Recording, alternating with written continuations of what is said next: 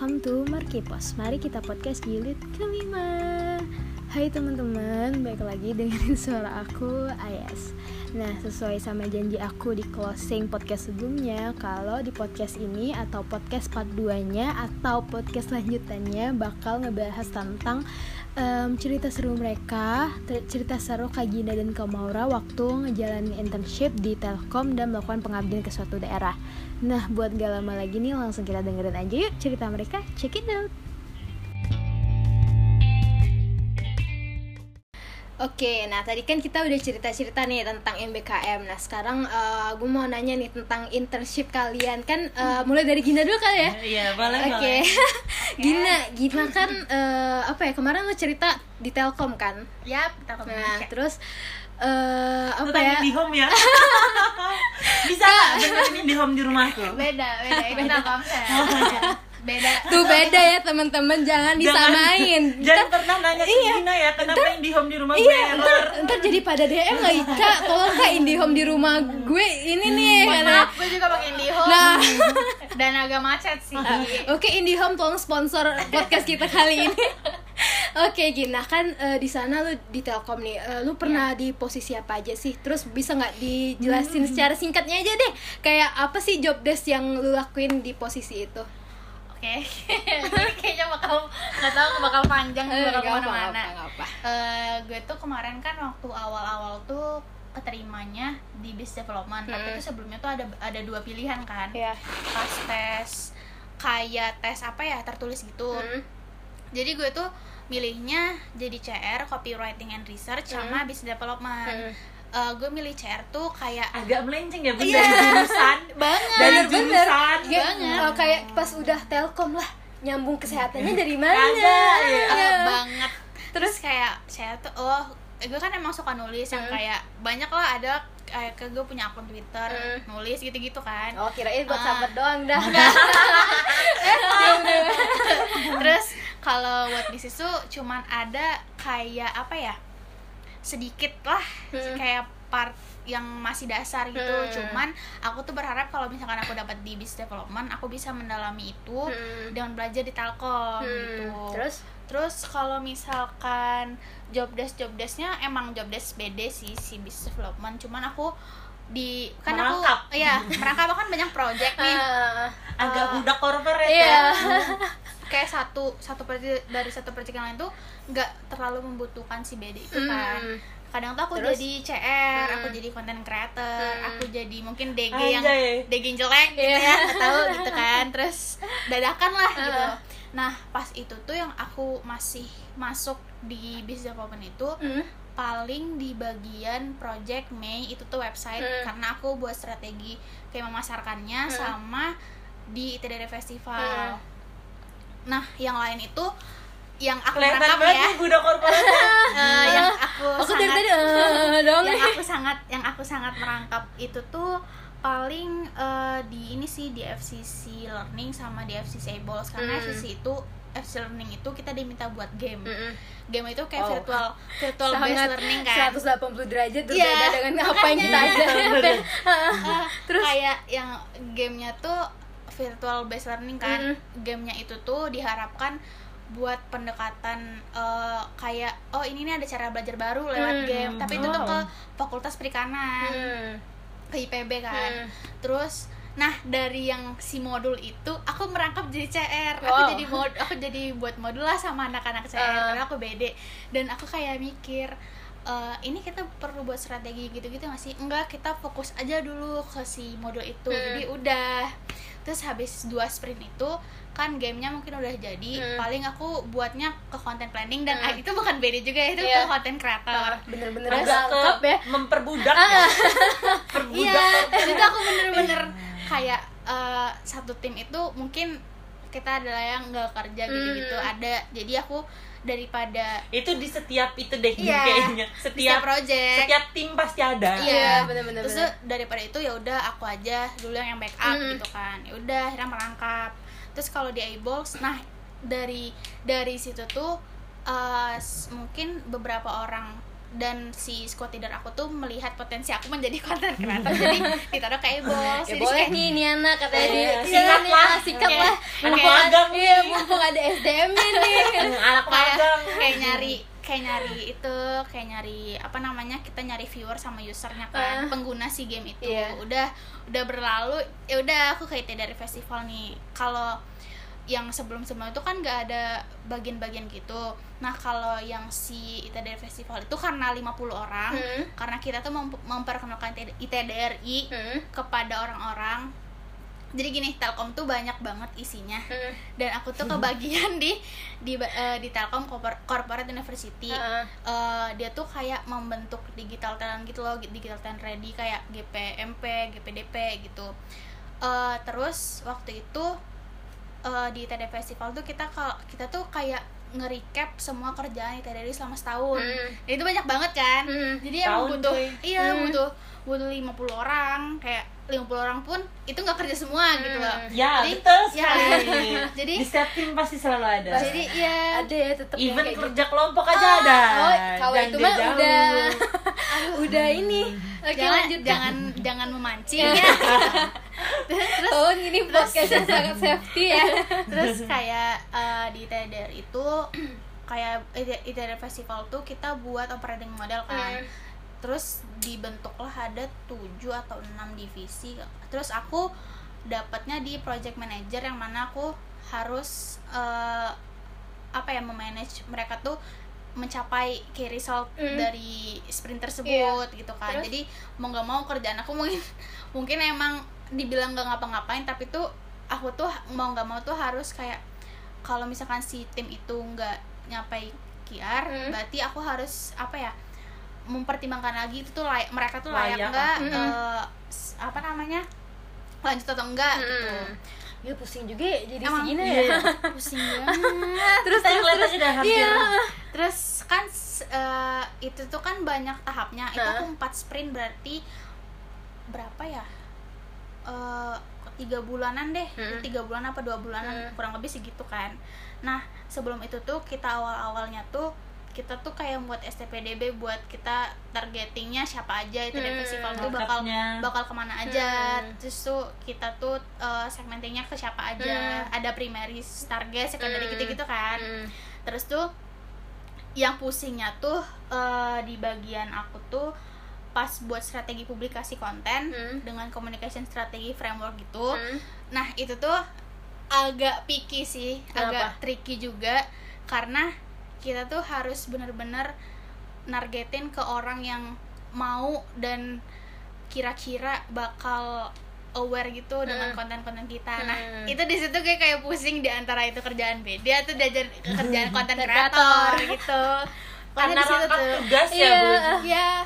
Terus nah leb- eh, krisis jati aku diri nggak nih anak? Iya, bener banget sih kayak terus gue di challenge lah membuat tam samsom kayaknya anak-anak bisnis tau dah apa itu Eh, tam samsom iya. gitu-gitu. Terus habis itu eh, pokoknya kalau misalkan sebelum terbentuknya itu tuh kita juga harus buat story dan lain-lain nah, pokoknya kerjaan gue banyak kan di ITDR Festival menurut Hmm. gue. Terus habis itu gue masuk di Innovation Center gue nggak ngikutin banget ini kan projectnya dari awal Hmm. projectnya si TDRI dari awal Hmm. project magang kan tapi tuh gue masuk udah pas yang mau akhir-akhir gitu jadi gue nggak terlalu mendalami iya mendalami jadi gue cuman bagian gue divisi administrasi gitu-gitu Hmm. sih terus eh, kita tuh setelah itu kita buat talent showcase Hmm. yang mana kayak buat closing gitu kan Hmm. terus tuh kita mikirin konsepnya Hmm. kita pokoknya itu tuh sama 214 orang yang mana itu susah banget Iya. nyatuin Hmm, benar-benar. pendapat Hmm. eh, banyak cuy Iya, Iya, akhirnya kita bener. buat divisi-divisi gitu-gitu sih. Hmm. Tapi yang lebih gue bilang kalau misalkan di ini kata manajer gue kalau misalkan di POM itu tuh udah apa ya namanya?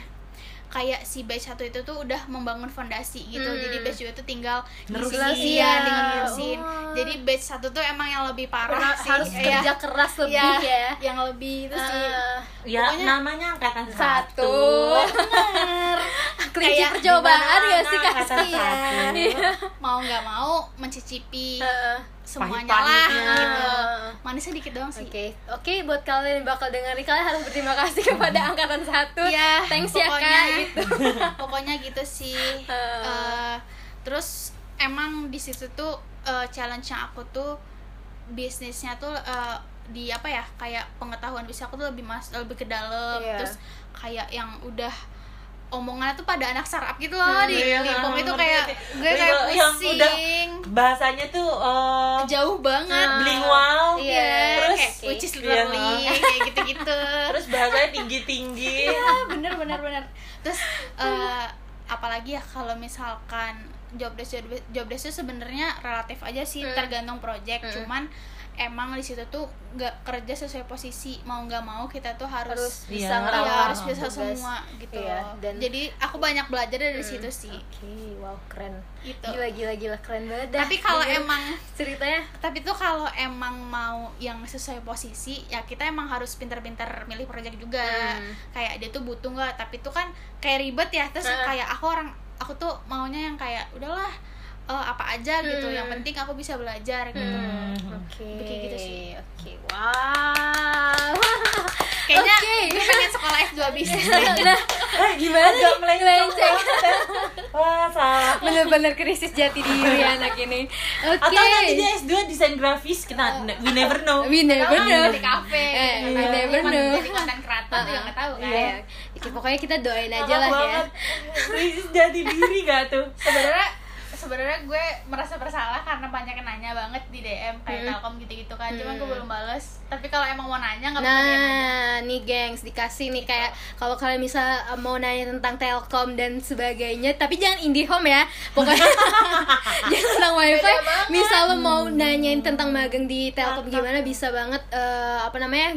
Chat atau DM gini nanti kita taruh deh di caption ininya di caption Tapi- podcastnya ya tapi disclaimernya gue tuh eh, di Telkom Indonesia kan banyak terus tuh ada yang DDB sama yang BKM kalau Hmm. DDB tuh biasanya dia tuh kayak udah partnership oh Kayak Misalkan kampusnya, bisnis ya bisnis. binus Oh, uh, unpad gitu. gitu-gitu Oh. setahu aku sih Iya. unpad apa siapa gitu pokoknya yang paling jelas tuh binus dan lain-lain Hmm. lah pokoknya gitu kan Mm-mm. terus yang aku dapet tuh di TD itu eh, dia tuh lebih kayak mencetak digital talent gitu kan Hmm. karena kan kalau kalau kata Jokowi Hmm. Indonesia membutuhkan digital talent Nah. masa depan kayak per tahun tuh harus ada terbentuk 600 Hmm. gitu kan nah eh, apa namanya yang aku seneng tuh aku tuh bisa belajar transformasi digital yang lebih Hmm. next level gitu loh Hmm. jadi kadang aku tuh bingung kalau ditanya terus aku kayak apa ya itu kan bahasanya udah kayak tinggi, Hmm. tinggi, tinggi gitu kan kayak Hmm. bahasa Inggrisnya gitu-gitu aku tuh susah gitu mau menjelaskan yang level bawahnya jadi Iya. kayak misalkan kalau ada orang nanya eh telkom indihome gitu kita iya Iya, Jadi kayak- karena udah capek ya. iya iya Gak mungkin aku kan mau ngejelasin oh aku tuh di ITE dari lo itu itu Mm-mm. apa sih gitu-gitu Ah. terus kayak aku tuh ngapain sih transformasi digital tuh apa aja sih Ah. terus kayak yang agak oh project-project Iya. itu banyak banget Iya. terus kalau aku yang ngejelasin lagi tuh kayak gimana ya Hmm. cara uh, itunya terus aku Hmm. bilang kadang kayak ya udah kamu coba aja buka web ini ini ini ini Iya, gitu gitu gitu aja sih kalian Ya, cari lah, iya gitu. cari tahu sendiri udah gede Iya. juga ngapain iya, dah bener Heeh. bener kok bener agak ngamuk kakak ini soalnya kadang yang ditanya tuh yang orang-orang tanya Eh. hal-hal yang sepele yang bisa lu baca pakai mata Iya. biji mata lu tuh Karena- kayak itu tuh bisa cuy kelihatan persyaratannya apa lu nggak perlu tanya gue yang perlu lu tanya tuh tesnya kayak gimana Bener. apa aja yang perlu disiapin Hmm. kan mungkin hal-hal yang kayak gitu perlu yang CV di- yang kayak iya, gimana gitu gitu kalau yang persyaratannya apa aja ya lu baca lah di kriterianya apaan Oke, oke kak, ini, tolong ini Iya. podcast yang sangat Dan- sehat. oh iya dan di website itu sendiri pun di website Udah lengkap. atau PDF gitu tuh juga kayak ngejelasin maksudnya kayak ngejelasin eh, Indonesia tuh udah di peringkat 56 dari 63 negara Hmm. daya saing gitu-gitu Hmm. kan nah itu pun udah tinggi gitu Hmm. level obrolannya Iya, maksudnya iya.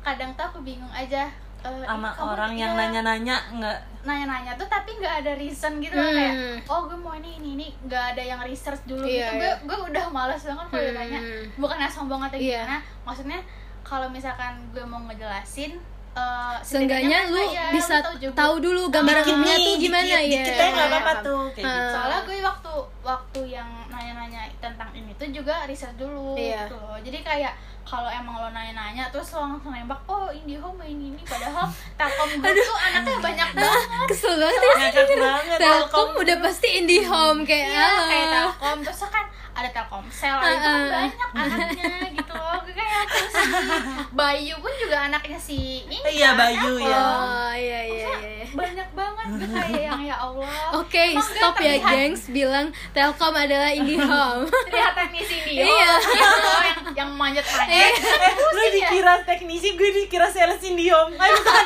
sales Telkomsel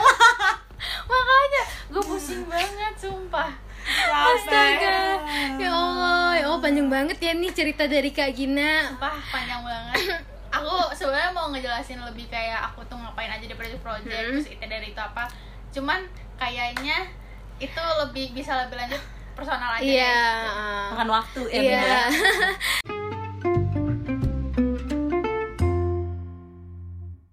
Lanjut nih, kan kemarin juga Maura nih kan ikut pejuang muda. Nah, Iya. bedanya kampus mengajar dengan pejuang muda tuh apa sih mau?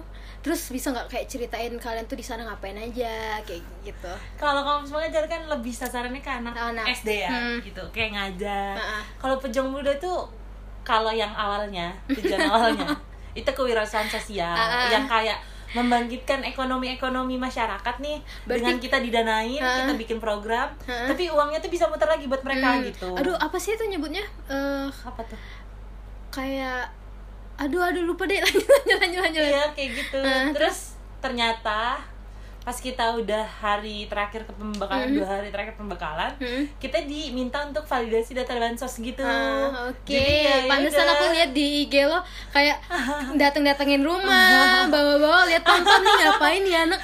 Sumpah kayak ini bawa ngapain sih pejuang kayak sensus penduduk iya, kayak kayak, bunda ini ngapain kayak sih BPS? Ah, bener-bener bener. kalau gue didatengin udah yuk pulang pulang pulang gitu Pernah demi Allah kayaknya pernah digituin dah. Pernah nggak Terus digituin? eh, pernah nggak ya digituin? lebih kayak kan nih ya formatnya assalamualaikum ibu Ah, oke. Enggak, tapi tapi Apa? sebelum datang itu tuh kayak kan penduduk desa eh eh, ketua desa pasti tahu kan ada si pejuang kan kita muda. kan eh, kalau kerja sama sama apa stakeholder stakeholder gitu loh iya tapi pas kalian datangin tuh itu Mereka tuh udah kayak- tahu belum iya, kalau ada orang yang mau minta nggak ah. tahu Oh. kan kita kan kan kita Sedih kerja banget di bawah naungan dinsos dinas jadi sosial probabilitas yang datang tuh misalkan dikira kalian itu tuh banyak Iya. gak sih Banyak mungkin banget. bisa tuh kalau kita datang orang-orang Nah. tuh mata bisa kayak mm, gitu iya. kayak jadi sorotan tengah-tengah gitu loh Ah. terus kayak ada apa nih ada apa ada apa gitu Terus kadang lanjut. ibu-ibunya baik sih kayak ibu Alhamdulillahnya ya. tau gak eh, rumah penerima bantuan Pener- bantuan tuh kan banyak ya ada Ah. kayak BPNT BPNT tuh bantuan pokok non tunai kayak Ah. beras Oke. minyak Sembako yang kayak gitu. gitu-gitu Ah, PK. terus? terus ada PKH PKH tuh apa? PKH tuh program keluarga harapan Ah. itu tuh yang di mana penerima bantuan itu orang-orang yang krim- penerima manfaat gitu Ah. kita tuh dilarang buat menyebut orang miskin Hmm. tapi kita nyebutnya keluarga penerima manfaat kayak Hmm. gitu Oke. terus di itu tuh program PKH tuh dapetnya uang uang tunai kalau nggak salah Hmm. itu tiap bulan tapi itu nggak rutin juga sih Hmm. tergantung sih tergantung orang-orang nggak rutin tapi syarat buat jadi PKH tuh punya lansia di rumah keluarga tidak mampu sama punya anak kecil masih sekolah Hmm. gitu Terus? uang uang uang yang disalurkan itu nanti buat ya itu anak sekolah Hmm. beli susu Hmm. beli buku yang kayak gitu kayak gitu Hmm. Terus udah kita validasi data itu sih kayak lebih mungkin kan sering ya dengar-dengar berita di apa sosmed Hmm. di TV di koran Hmm. di mana-mana kayak yang penerima bantuan sosial tuh melenceng Iya. malah orang-orang yang udah mampu sebenarnya itu bisa dikatakan iya bisa dikatakan Dan tidak enggak. sih soalnya kayak kalau aku temuin di lapangan Hmm. ada emang beberapa yang udah mampu lumayan banyak sih yang udah mampu Hmm. karena data mereka nggak pernah divalidasi gitu loh Oh. nggak pernah itu tuh yang waktu sebelum kita turun lapangan Mm-mm. itu data validasi 10 tahun yang lalu mungkin kan 10 tahun ya yang lalu Allah. mungkin kan 10 Udah. tahun lalu mereka nggak mampu Iya. Iya, tapi sekarang ya, udah eh, kaya. udah kaya roda udah jadi ber, roda pakai berputar. sawit kita nggak Iya, tahu kan bener. we never know We never know. Terus terus ya udah iya kan nggak tahu tapi mereka yang eh, udah yang mampu itu mereka tetap nerima atau kalian kayak gimana? nerima Astaga, mereka ya? astagfirullahaladzim kan? Itulah kita juga astagfirullahaladzim Jadi kan kebetulan aku satu tim tuh bersembilan ya. Ah. Lima cewek, empat cowok. Iya. Terus kita tuh verbal biasanya kalau kita nyebutnya turun lapangan namanya verbal gitu Iya. kayak kayak kita verbal nah kebetulan aku sama temenku nih Hmm. berdua terus pokoknya kita tuh suka pisah gitu loh Hmm. ngerti gak yang Bagi nggak mungkin tugas kan lah, bagi tugas lah Biar gitu. cepet. kita satu satu kabupaten kebetulan aku dapat ke penempatan tuh di kabupaten Bungo gitu Hmm. nah di Bungo nih kita satu kabupaten megang seluruh data sedangkan kita tuh sebenarnya punya target Hmm. kerja tuh punya target satu hari eh itu kan satu hari satu orang tuh harus dapat 20 nik Heeh. 20 nik tuh berat loh cuy ah. ngerti gak Ah. banyak banget Banyak dengan kita cuma modal nama alamat sama nama sama nik Hmm. kita nggak tahu orang-orang tuh malah nanya siapa nama panggilannya ya saya Saya tidak, tidak tahu, tahu. siapa nama suaminya saya nggak tahu ada ibu-ibu yang sampai bilang Apa? neng ntar minta aja ke Kemensos pasang foto foto ibu-ibunya di itunya di data kita Si fotografer tuh ya kali ya. Allah bu bu di Udah kita kayak- foto KTP udah kayak orang hilang dah nyarinya Iya, iya kan? Heeh. Kan kita bener-bener buta dan sedangkan kita bersambilan tuh nggak ada yang asli orang bungo, ngerti gak? Nah, paham, Bener-bener kayak, hah? Orang pertama kali datang ke bungo aja, kita nggak tahu mau tidur mana. Terus itu gimana tuh. Kan kebetulan eh, berapa orang temenku ya? Lima orang temenku Hmm. itu dari luar pulau semua. Hmm. Maksudnya bukan orang Jambi lah. Hmm. Kan Iya kayak gitu. Pokoknya yang empat nih stay di Jambi, Iya. termasuk aku. Hmm. lima orang nih luar pulau jadi kayak kita pas mau berangkat ke Bungo tuh kayak yang ayo yaudah deh kita bareng-bareng aja. Hmm. kita akhirnya cewa- nyewa travel. Hmm. itu kita di dalam travel belum kenal satu sama lain. Hmm. ngerti gak yang kita udah jemput ke bandara Hmm. terus kita nyampe Bungo kita udah nggak tahu mau tidur di mana. Hmm. kayak akhirnya dapat kosan kosan itu karena kenalan orang dipikir gitu. kayak ini kayak udah disiapin gitu kali enggak kita cari sendiri. Kita nyewa kos sendiri nyewa motor sendiri yang kayak gitu kayak gitu sih. Beneran? Iya. Gila mandiri banget. Terus? Malah yang kasihan adalah pejuang. Iya, yang eh, kasihan oh. Pejuang, pejuang muda. Terlalu pejuang sih. terlalu pejuang sih yang oke kasihan anak cowok tuh nyewa motor kan Hmm. literally kita nyampe sana nggak ada punya motor kan Hmm. mati gaya cuy nggak ada Iya. motor mau makan aja susah Iya. gitu aku tuh udah bilang apa Mel apa apa kita bawa motor aja kali ya dari sini biar kita di sana bisa ke mana-mana gitu berapa jam sih 8 Eh, terus habis itu maksudnya dipaketin Oh. gitu terus aku bilang pam kayak kita harus bawa rice cooker deh biar kita bisa makan akhirnya aku bawa tuh rice cooker aku Ah. pokoknya bawalah ada kayak layaknya anak kos biasanya Ah. Terus udah yang kasihan tuh anak cowok gitu loh kayak yang, ih kita mati gaya kita awal-awal jalan apa dari kosan kan kita pertemuan-pertemuan sama pihak-pihak uh, mentor, Hmm. koordinator kayak gitu-gitu kan di dinsos ya. Hmm. Kita jalan bersembilan dari kosan ke dinsos, literally jalan kaki. berapa lama tuh Jalan kaki em, 20 menit mungkin kalau jalan kaki. Waduh. Kayak agak Bisa ah. varises ya? Terus Panas terus juga ya, kita kan? berinisiatif. Kan kita minta dong pertanggungjawaban dari dinsos. Iya, kita minta motor dinas. Dikasih lah tuh motor dinas dua. Ya you know kondisi motor. Gue keinget story lo sumpah. Yang motor yang gak ada rem ya kan? Iya. Yang diengkol. yang ngengkol Terlalu pejuang Ah, muda. terlalu pejuang muda. Oke thanks. Terus kan itu kan pejuang muda bener-bener pejuang muda. dua. Terus kita berinisiatif nih nyewa motor lagi nih dua. Kan kita bersembilan, nggak mungkin nih cuma dua motor kan? iya Nyewa lah tuh nyari info-info dua motor lagi Ah. nih. Itu nyarinya susah banget cuy. Di bungo kayak nggak ada entah lah ya entah kayak aku yang kurang informasi atau kayak gimana. Hmm. itu nggak ada yang tahu tempat nyewa motor. Terus terus dan anak cowok kalian tuh yang anak Jambi juga bukan asli orang Bungo iya kan nah kebetulan kita tuh ngekos satu bedeng panjang gitu Ah. kayak cuman beda-beda kamar doang Ah. gitu jadi kayak kalau buat rapat buat koordinasi tuh kita gampang gitu gampang untungnya ada Iya, untungnya ada. Terus habis itu, ada. tadinya ibu kosnya tuh nggak menyediakan kosan buat anak cowok, tapi Hmm. karena kasihan sama kita, udah malam nggak ada tempat tinggal, mas Iya. yang masih suruh tinggal di masjid. Akhirnya ibu kosnya ya udahlah kayak gitu. Hmm.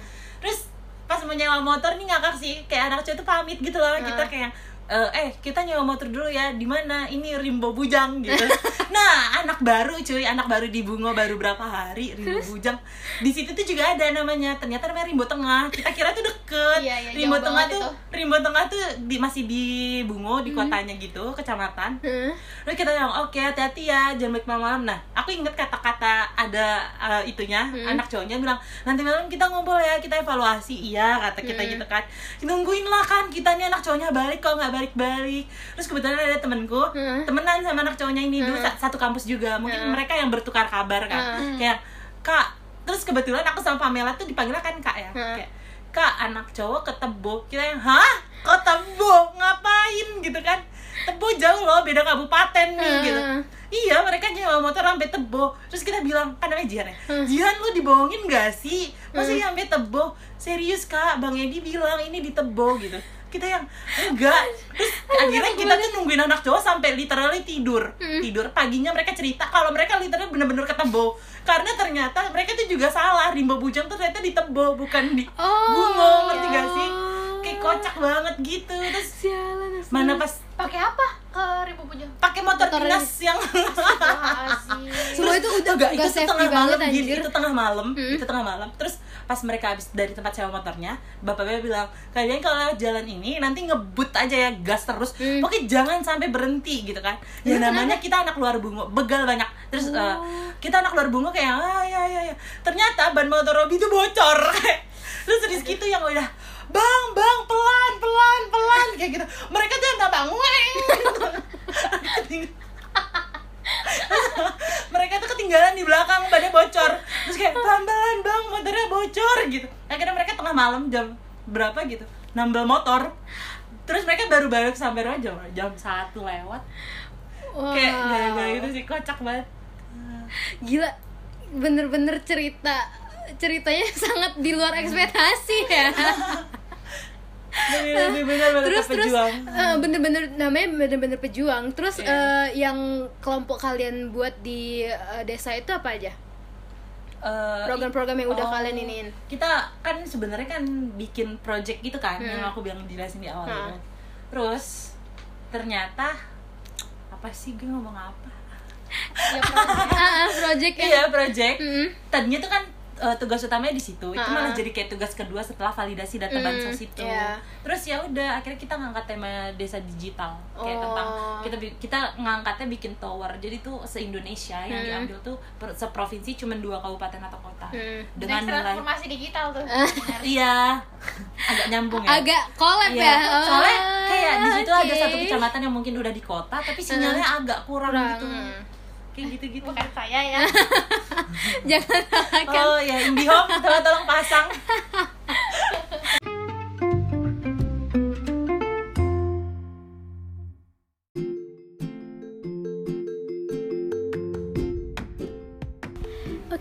teman-teman, makasih banget buat yang udah dengerin sampai habis. Nah, buat di last episode-nya, Gina sama Maura bakal ngasih tahu nih ke kalian tips-tips apa aja sih yang perlu kalian persiapin kalau kalian tertarik dan minat buat join ke program MBKM ini. Dan tips ini juga bisa kalian terapin kalau kalian pengen nge-apply ke suatu eh, nge-apply internship ke suatu instansi atau perusahaan. Oke, sekian dari aku. See you next week and bye-bye.